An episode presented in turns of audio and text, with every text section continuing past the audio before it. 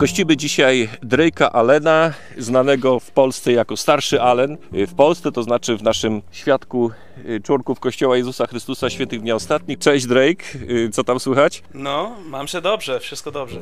No to super. Powiedz mi, w jakich latach służyłeś w Polsce? No bo to już minęło trochę czasu, nie? No tak, e, to znaczy ja wróciłem z misji 5, no prawie 6 lat temu. Aż mi się wierzyć nie chce, że tak długo. Tak, więc tak, tak i byłem tam przez dwa lata. Tak, 6 lat. Jakby mnie ktoś zapytał, wiesz, bez sprawdzania, to ja bym powiedział, no chyba ze dwa lata temu, więc czas idzie szybciej niż mi się wydaje. Y, Ale wiesz co, chciałbym z tobą tak Cześć. porozmawiać y, nie tylko na temat twojej misji, no ale głównie chciałbym się dowiedzieć, jak wygląda twoja perspektywa jako członka Kościoła Jezusa Chrystusa Świętych Dnia Ostatnich, który, jak to się mówi, wychował się w Kościele. Albo czasami się mówi, że urodził się w Kościele, chociaż my się nie rodzimy w Kościele. ale chodzi o to, że twoje... Myślę, że ja się urodziłem w szpitalu. Tak, tak. Nie pamiętam. No właśnie, to jest jeden z tych mitów. nie który- pamiętam tego dnia. Trzeba go koniecznie obalić. Ale, ale wychowałeś się w domu świętych dniach ostatnich. Chciałbym, żebyś mi troszeczkę powiedział o, o swojej rodzinie, o swoim dzieciństwie.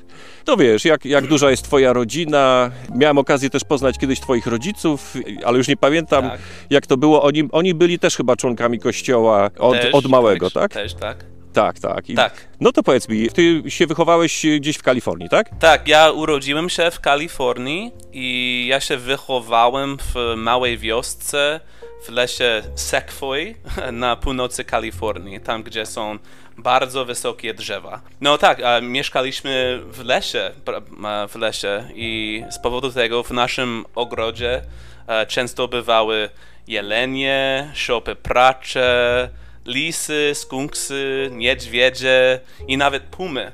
E, Pamiętam, że kiedyś puma pożarła kota naszego sąsiada. No i, i nie wiem, czy to się liczy jako kanibalizm, bo, bo puma to wielki kot, ale, ale nie wiem. Tak, y, chyb, chyba tak. No ja skoro kot, zjada kota, ale u nich to dozwolone. Nie ma, y, nie ma, nie ma tam chyba Tak. jakichś takich y, zbyt, zbyt wielu ustaw w świecie kotów, więc, więc można, można im wybaczyć. No. Ale, ale y, miałeś jakieś problemy ze skunksami? Bo szczerze mówiąc, z tych wszystkich zwierząt, które wymieniłeś, moje ulubione to są skunksy. Y, Nie dlatego, że śmierdzą, A. ale dlatego, że ładnie, ładne są. O wow.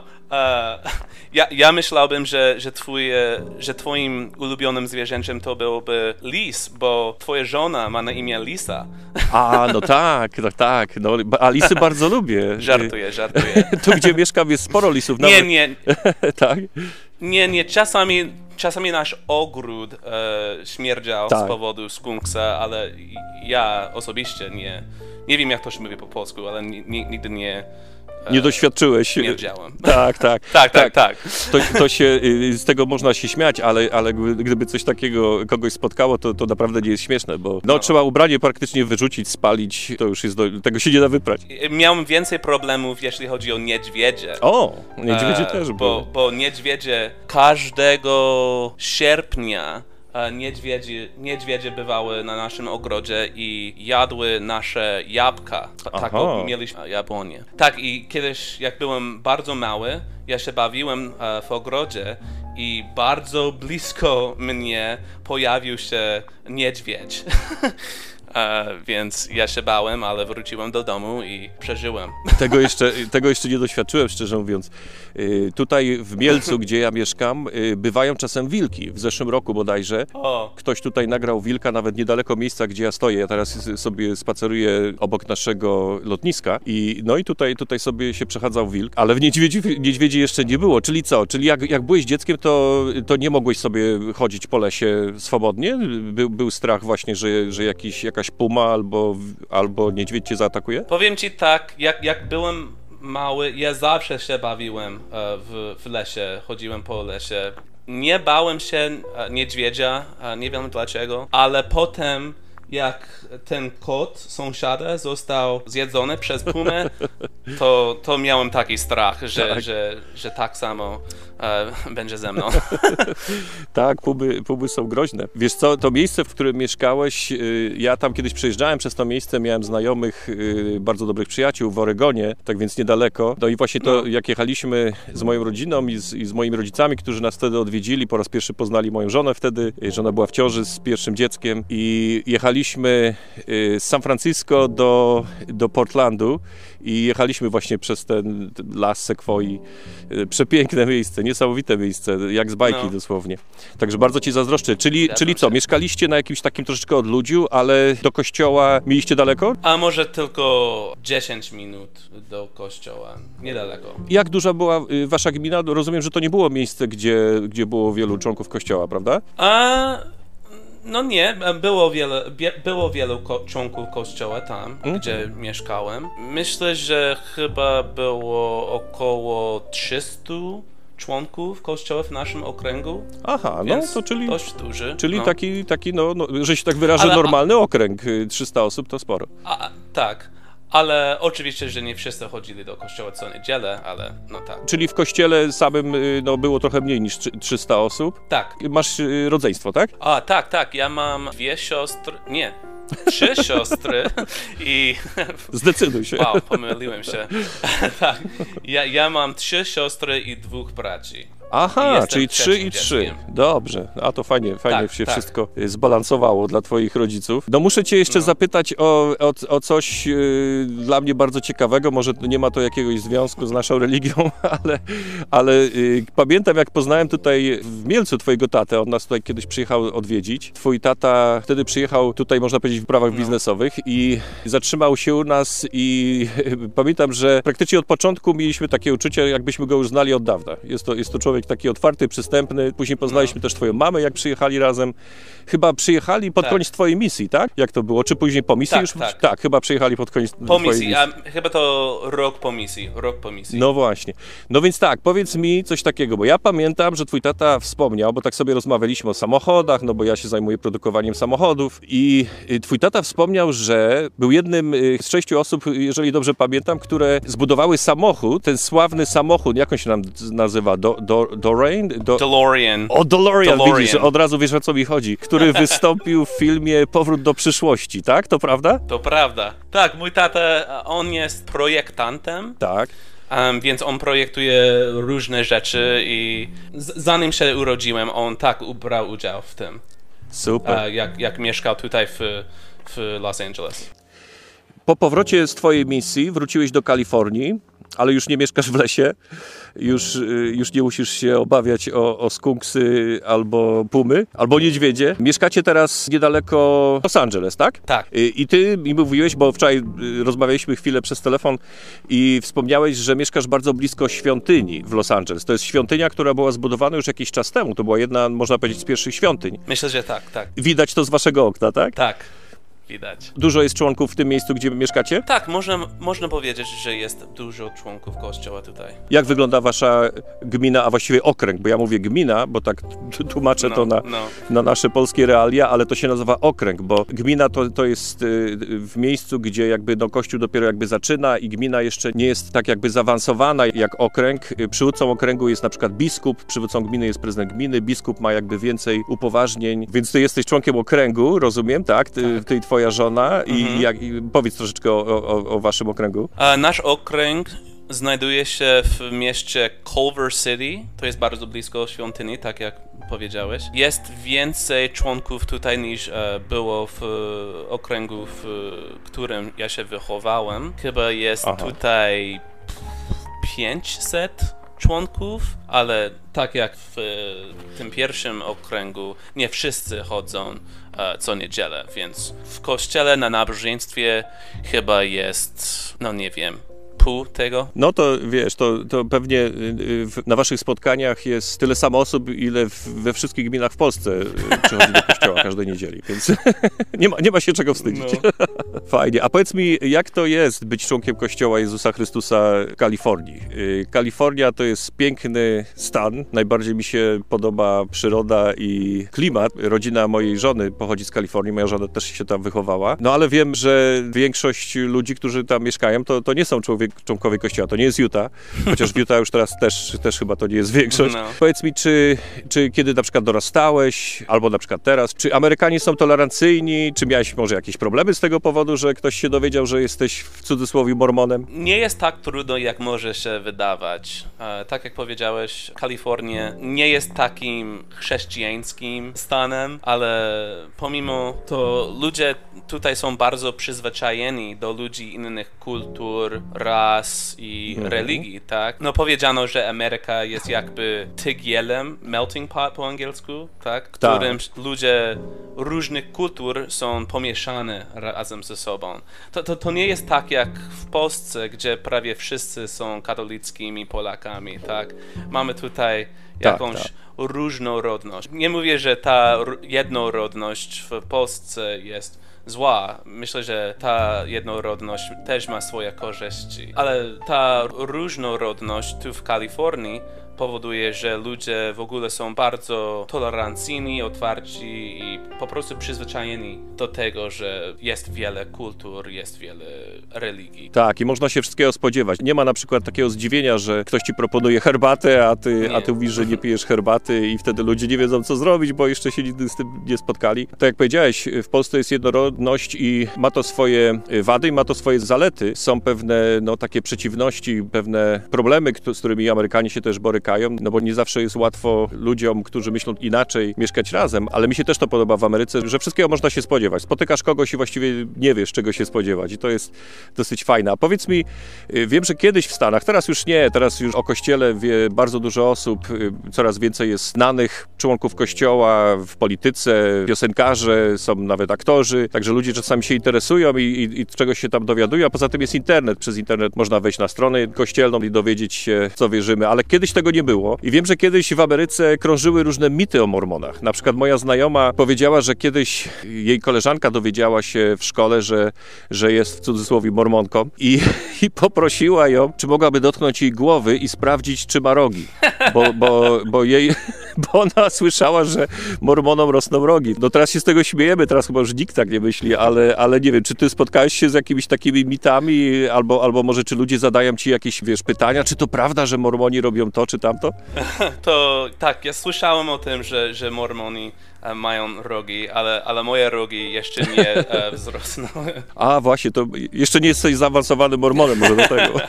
No, um, pamiętam jak byłem młody, w szkole jeden z uczniów zapytał mnie, czy w naszym kościele chrzcimy zwłoki. O właśnie, no, no, aha, no ciekawe, trupy, tak. tak. Bo Tak. on słyszał o chrztach dla zmarłych.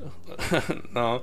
I ja Tak. się śmiałem i, i powiedziałem mu, że, że nie chrzcimy z- zwłok, tylko my się e, chrzcimy w imieniu zmarłych. E, jest taki zastępczy chrzest, więc ja, ja się śmiałem z tego.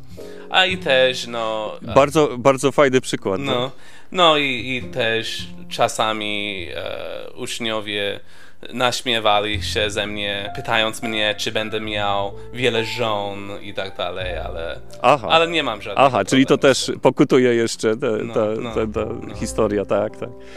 Tak, w Polsce y, teraz już też coraz mniej, ale kiedyś, kiedyś też często ludzie się pytali, czy praktykujemy wielożeństwo. Czasami można się spotkać, y, ja słyszałem, że misjonarze czasami spotykają ludzi, którzy wręcz y, starają się ich przekonać do tego, że nie, to wy praktykujecie wielożeństwo. Ja na własne oczy czytałem w gazecie, że tak jest.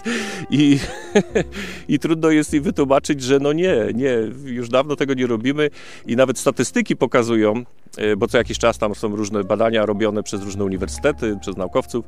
E, Statystyki pokazują, że no, można powiedzieć, że jesteśmy najbardziej monogamicznym kościołem e, w Ameryce, dlatego że procent członków kościoła, którzy nie dochowują wierności małżeńskiej jest o wiele mniejszy w naszym kościele niż, niż w innych kościołach, więc, więc no, można powiedzieć, że jesteśmy najmniej poligamicznym kościołem, no ale ale, ale to pytanie będzie się chyba pojawiało jeszcze długo. Jak byłeś w Polsce, ludzie pytali cię, dlaczego nie używamy elektryczności w kościele. Tak, tak. E, I, I zawsze pokazywałem im komórkę i zapytałem e, im, jeżeli to prawda, no jak się dostałem tutaj do Polski? Przepłynąłeś kajakiem. No, no tak. E, więc to było śmieszne, zabawnie. Włas, własnej roboty oczywiście. No. Wiesz może skąd się bierze to pytanie i dlaczego właśnie akurat w Polsce, bo w innych krajach nie zadają tego pytania. Słyszałem że, o tym, że był taki film o... Tak. em, jak to się... Jak to się... Amiszach. Amiszach, tak. I Tak, tak. Był, był taki błąd, że był to napisane, że to są mormonami. Tak? Tak, dokładnie tak. To był y, film pod tytułem Świadek. Y, Bardzo zresztą fajny kryminał. Głównego bohatera grał Harrison Ford. O, wow. I tam Harrison Ford, a właściwie jakiś chyba chłop- chłopiec, był świadkiem morderstwa.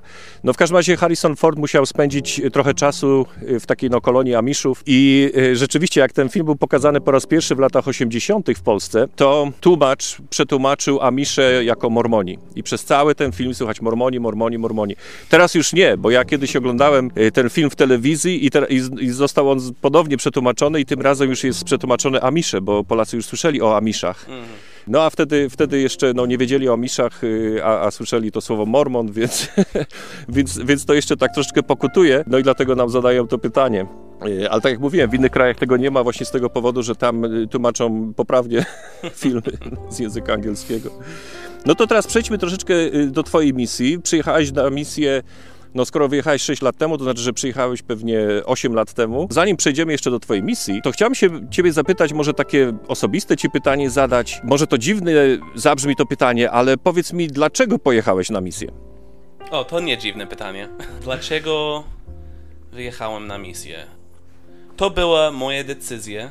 Oczywiście, że moi rodzice zachęcali i wspierali mnie w tej decyzji, ale muszę najpierw powiedzieć, że mój ojciec dał mi bardzo dobry przykład, bo on służył na misji. On był misjonarzem w- w Niemczech, więc on był dla mnie takim wzorem do naśladowania, tak? E, zawsze chciałem go naśladować i służyć na misji. I jak byłem dzieckiem i nastolatkiem, ja zawsze chciałem wyjechać na misję do, do Niemiec. I tak, więc zawsze miałem... niedaleko. e, e, zawsze miałem takie pragnienie, żeby, żeby służyć na misji. Ale przede wszystkim widziałem, jak Ewangelia przywrócona błogosławi i pomaga mi i mojej rodzinie. Ja miałem bardzo szczęśliwe dzie- dzieciństwo. Moja rodzina była bardzo szczęśliwa e, i błogosławiona i po prostu ta Ewangelia przynosiła nam szczęście i, i radość. I ja po prostu chciałem się podzielić tą radością z innymi ludźmi, którzy e, jej nie mają. I no, wiemy, że Ewangelia po grecku to znaczy dobre nowiny, tak? Po prostu ja Tak. chciałem ogłosić światu e, te dobre nowiny. A powiedz mi, bo słuchają nas być może osoby, które nie są członkami Kościoła. Czasami mm, spotykam się z takim, no może zarzutem, chociaż y, no, no, za- zarzut to może złe słowo, bo bardzo rzadko się spotykam, prawie nigdy się nie spotykam z jakąś negatywną reakcją, kiedy się ktoś dowiaduje, że jestem członkiem Kościoła Jezusa Chrystusa, y, albo że nie jestem katolikiem. Aczkolwiek po części jestem katolikiem, no bo w większości rzeczy, które wierzą katolicy, my też wierzymy, prawda? No. Także, także no, tutaj jak, jak się mówi, że nie jestem katolikiem, to po prostu oznacza, że no, nie, nie chodzę do kościoła katolickiego, ale przecież mamy wiele podobnych wierzeń. Y, I czasami ludzie mówią, dlaczego wyjeżdżacie na misję do takich miejsc jak Polska? Przecież w Polsce już wszyscy ludzie słyszeli o Jezusie Chrystusie, ludzie mogą kupić sobie Biblię, mogą, mogą się dowiedzieć o Jego naukach. Dlaczego nie jeździcie, nie wiem, do Afryki czy do Azji na przykład, gdzie są miejsca, gdzie chrześcijaństwo nie jest takie popularne? Y, Jak byś im odpowiedział na to pytanie? Myślę, że chodzi o to kluczowe słowo, które e, powiedziałeś. Przywrócona Ewangelia. Bo tak, e, katolicy e, mają Ewangelię Jezusa Chrystusa. Przynajmniej część tej Ewangelii. Tak, mają Nowy Testament, Stary Testament. Już wiedzą, tak jak powiedziałeś, o Chrystusie, o Jego zadośćuczynieniu i, i o Jego naukach e, spisanych w, w Pismach Świętych. Ale chodzi o to, że my wierzymy i, i wiemy, że ta czysta Ewangelia, której nauczał Jezus Chrystus, została zgubiona, stracona.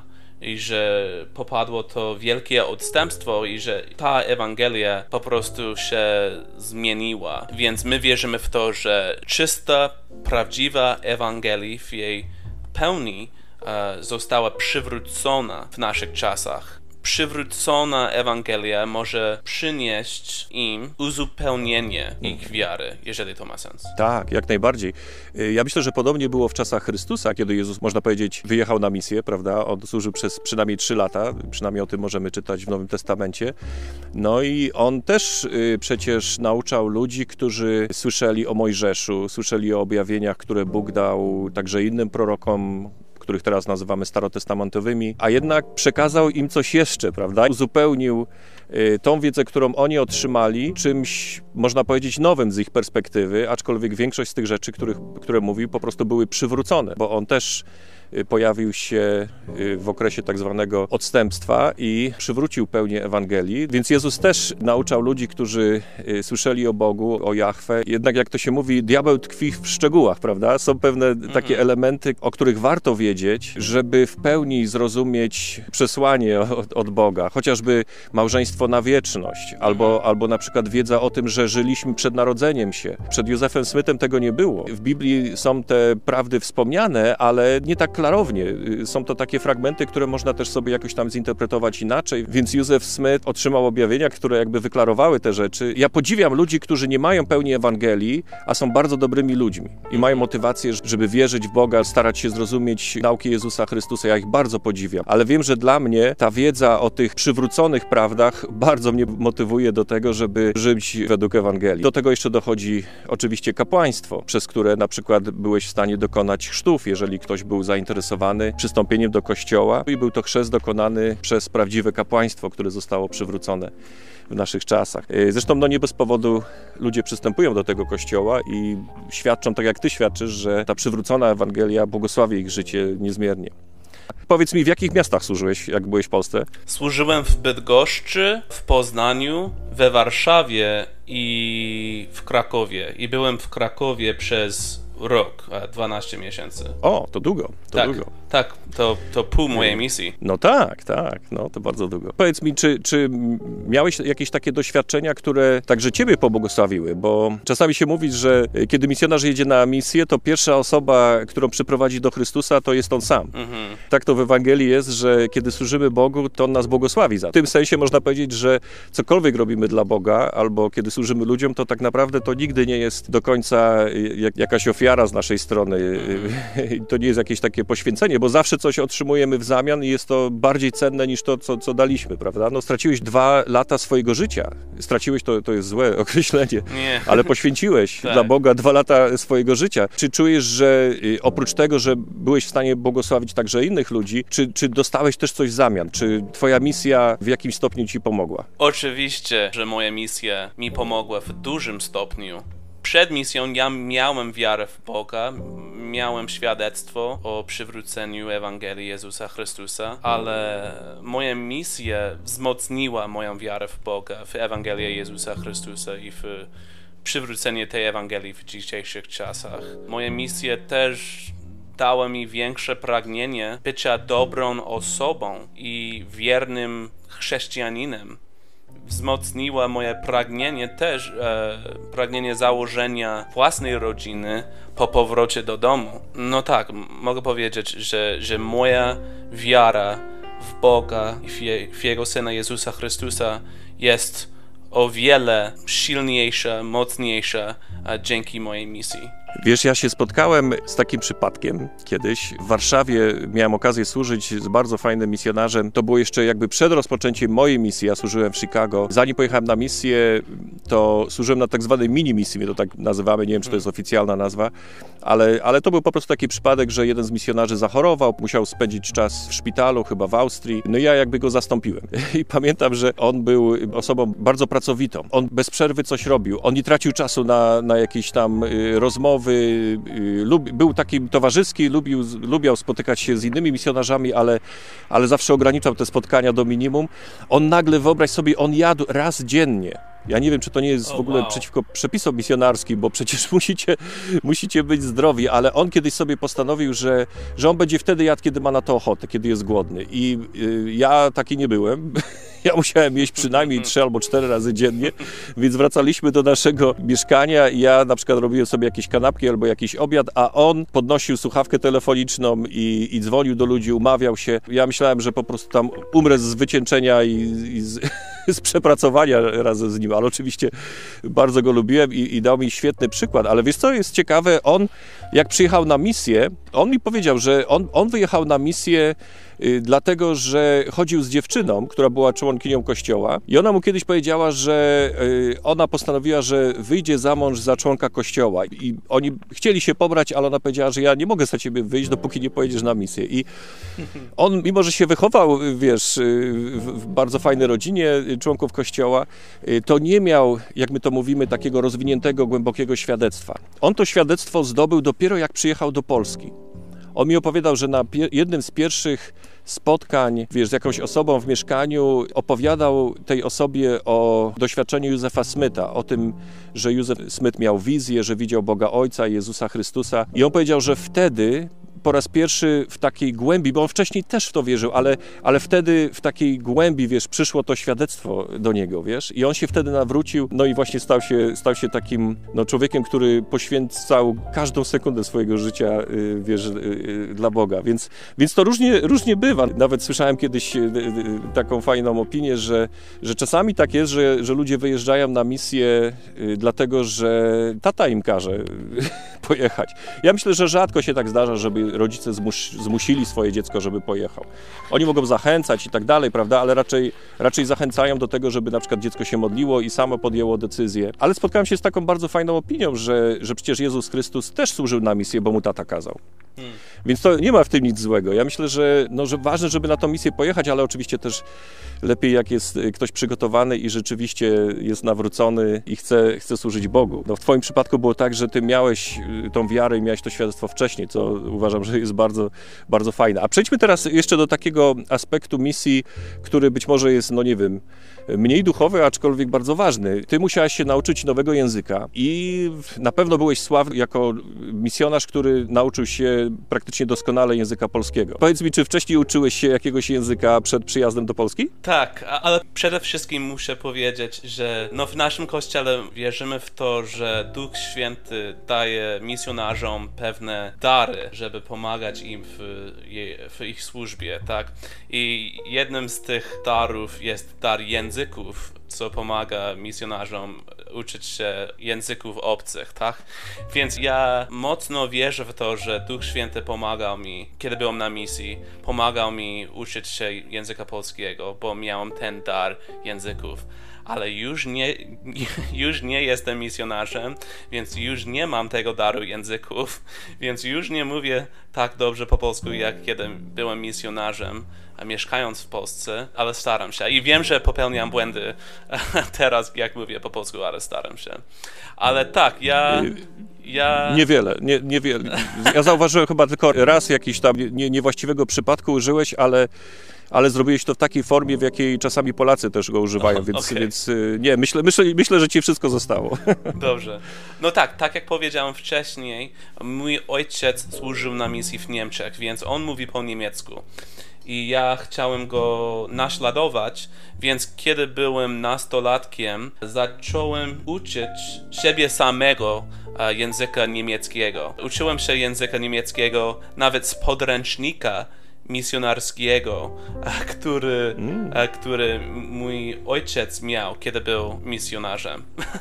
Więc taki e, stary podręcznik. Aha. A, tak, więc ja się uczyłem języka niemieckiego przed misją i miałem pragnienie, żeby służyć na misji w Niemczech, ale zostałem powołany do Polski i to, to inna No właśnie, historia. y, no, można powiedzieć, że trafiłeś y, może nie w dziesiątkę, ale bardzo blisko. Tak, tak. No ale nie, niestety te dwa języki nie są zbyt do siebie podobne. O, Nie są. oba są takie trzeszczące, ale y, no, nauka niemieckiego y, pomogła ci może pod tym względem, że, że miałeś już doświadczenie nauki jakiegoś obcego języka, no ale nie był to język słowiański, Mm, więc musiałeś się od nowa uczyć zupełnie innego języka. No, jest to rzeczywiście niesamowite, że, że byłeś w stanie to zrobić. Wiem, że czasami pomagasz też misjonarzom, którzy wybierają się na misję do Polski i pomagasz im w nauce języka. Ty mi wspominałeś wczoraj, że co jakiś czas y, spotykasz się przez internet, tak? Na przykład tak. z jakimś y, starszym misjonarzem, który wybiera się do Polski, ale z powodu tej całej pandemii, no tam są jakieś problemy jakby no, prawne, tak? Nie, nie, może od razu pojechać do Polski i ty, i ty y, regularnie się z nim spotykasz i, i uczysz go polskiego, tak? Tak, tak, to prawda. A znasz jeszcze jakieś inne języki oprócz niemieckiego i polskiego? I angielskiego oczywiście? To znaczy, tak, trochę po angielsku. Ja, tak, po, powr po powrocie do domu, po misji, uczęszczałem na Uniwersytet BYU i studiowałem językoznawstwo. To był mój kierunek na uniwersytecie. I tam się uczyłem różnych języków obcych. Uh, na przykład studiowałem starożytny język hebrajski, łacinę, hiszpański, język Majów e, i, i wiele innych, ale, ale nie mówię płynnie e, we wszystkich tych e, językach, tylko no, wiesz, się nauczył. Się zaraz, zaraz, język Majów? Jest, tak. jest coś takiego jak język Majów? Tak, oni mówią. ha. Ale czyli, czyli są ludzie gdzieś tam w Ameryce Południowej pewnie, którzy y, mówią w tym języku na co dzień? Czy to jest taki tak, język tak. jakby, no... Ta, tak, od, w, tak? W, w kraju Guatemala tak. No wspaniała rzecz, wiesz, jak, jak może będą, bo tam, wiem, że coraz więcej tam, jest... Tam, gdzie y, mieszkali tak? Nefici.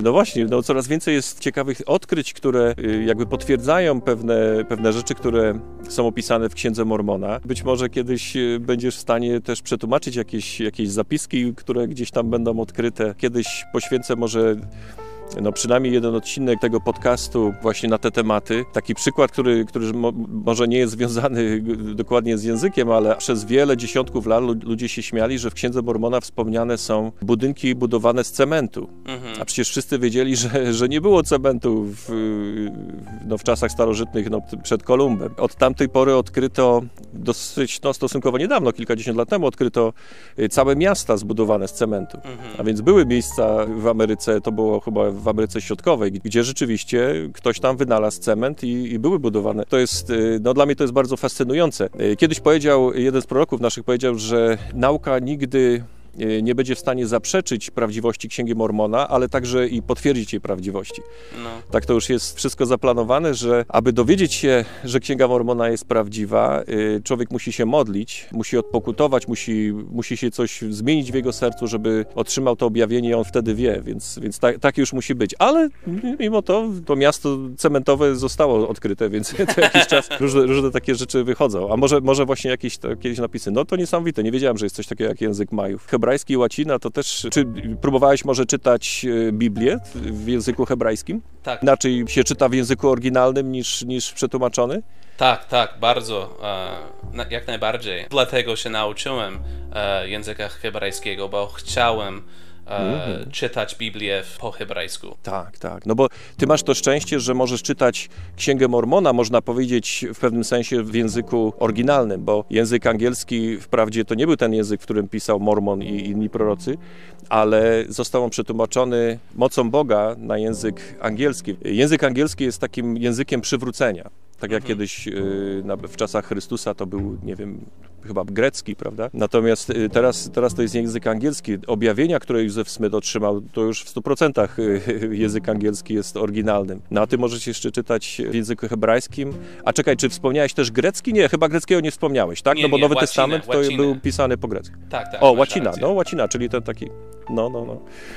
No powiem Ci, że ja kiedyś też miałem takie aspiracje, żeby nauczyć się hebrajskiego, właśnie z tego powodu, żeby, że chciałem czytać Stary Testament w tym języku, ale zabrakło mi zapału. Trzeba być jednak człowiekiem bardzo inteligentnym i interesować się y, nauką języka. Ja nauczyłem się języka angielskiego, bo po prostu musiałem. Po prostu pojechałem na, na misję do, do anglojęzycznego kraju i, i, i musiałem się nauczyć, ale, ale gdybym nie musiał, to bym, to bym tego nie zrobił. Więc gra, gratuluję Ci zapału i, i, i, myślę, że też fajnie, że możesz czytać no, literaturę na przykład w języku niemieckim. Józef Smith powiedział, że najlepiej przetłumaczona Biblia to jest Biblia y, Marcina Lutera. Tak. Y, Słyszałeś może? Tak, słyszałem no, o no. tym. Mhm. Więc to też jest y, taki duży atut dla ciebie. Powiedziałem wcześniej, że, że przed misją ja chciałem wjechać do Niemiec na misję, tak? Tak, no właśnie, no właśnie, bo I- i- nawet się i- uczyłeś języka. Tak, i, i nie chcę, żeby wszyscy, którzy słuchają tego podcastu, e, myśleli, że, że nie lubiłem Polski i że nie chciałem wyjechać do Polski. No, tak jak powiedziałem, ja miałem pragnienie wyjazdu do Niemiec na misję, ale jak czytałem, bo no, nie wiem czy wszyscy wiedzą, ale my nie wybieramy, gdzie będziemy służyć na misji, tak? E, O właśnie, no jakbyś Jesteśmy- mógł to wyjaśnić. tak, tak, jesteśmy powołani do jakiegoś kraju. Pamiętam, kiedy dostałem ten list z powołaniem, tak? E, I nie, nie mogłem się doczekać e, czytania tego listu. I kiedy, kiedy czytałem ten list i widziałem, że jest napisane, że będę służył e, właśnie w Polsce, a nie w Niemczech, ku mojemu zaskoczeniu nie zawiodłem się. Nie byłem rozczarowany. Byłem zaskoczony. E, ja, ja się nie spodziewałem, e, że będę służył w Polsce, ale ja nie byłem rozczarowany i to było dla mnie no coś dobrego. I po kilku, może po paru dni zastanawiania się nad tym, e, doszedłem do wniosku, że to powołanie pochodziło od Boga i że Bóg sam powołał mnie do Polski. I w tym momencie ja już nie chciałem wyjechać do, do Niemiec i nauczyć się języka niemieckiego um, i służyć tam jako misjonarz. Ja chciałem wyjechać jedynie do Polski um, i byłem tak zachwycony, bo, bo wiedziałem, że, że, że Bóg powołał mnie do Polski. Moja misja ma dla mnie bardzo głębokie i, i wielkie znaczenie. I bardzo się cieszę, że służyłem w Polsce. Polska jest dla mnie świętym krajem. Przepraszam za to, że, że mam takie emocje teraz, ale Polska jest dla mnie bardzo ważna i nie, nie mogę wyobrażać sobie, żebym służył w innym kraju. Bóg czasami zaskakuje, ale zawsze y, okazuje się, że jednak On miał rację i, i On miał lepszy plan dla nas, prawda? No. Niż my sobie to wyobrażaliśmy. Bardzo Ci dziękuję y, za ten wywiad, no i dziękuję Ci tutaj w imieniu polskich członków Kościoła i, i, i także innych osób, które, które Ci tutaj spotkały, y, za to, że poświęciłeś dwa lata swojego życia, żeby służyć w naszym kraju. Mam nadzieję, że jeszcze kiedyś sobie porozmawiamy, bo tak to jest, że co jakiś czas mamy coraz to nowe perspektywy. Ja jeszcze chciałem się y, Ciebie troszeczkę popytać o Twoją przyszłość. Wiem, że chodzisz do szkoły y, de- dentystycznej, ale myślę, że to, co teraz powiedziałeś, to jest odpowiednie zakończenie tego wywiadu, więc dziękuję Ci i życzę Ci powodzenia przez resztę Twojego życia dla Ciebie i dla Twojej rodziny. Trzymaj się. Dziękuję bardzo. Rozmawiałem z Alenem Drake'iem, który służył na misji w Polsce. Yy, No jak widać nie zapomniał języka polskiego i bardzo się cieszę, że mógł się podzielić z nami swoją perspektywą na temat y, przywróconej Ewangelii Jezusa Chrystusa i na temat Kościoła. No i żegnam się z wami dziękuję za uwagę. Trzymajcie się, cześć.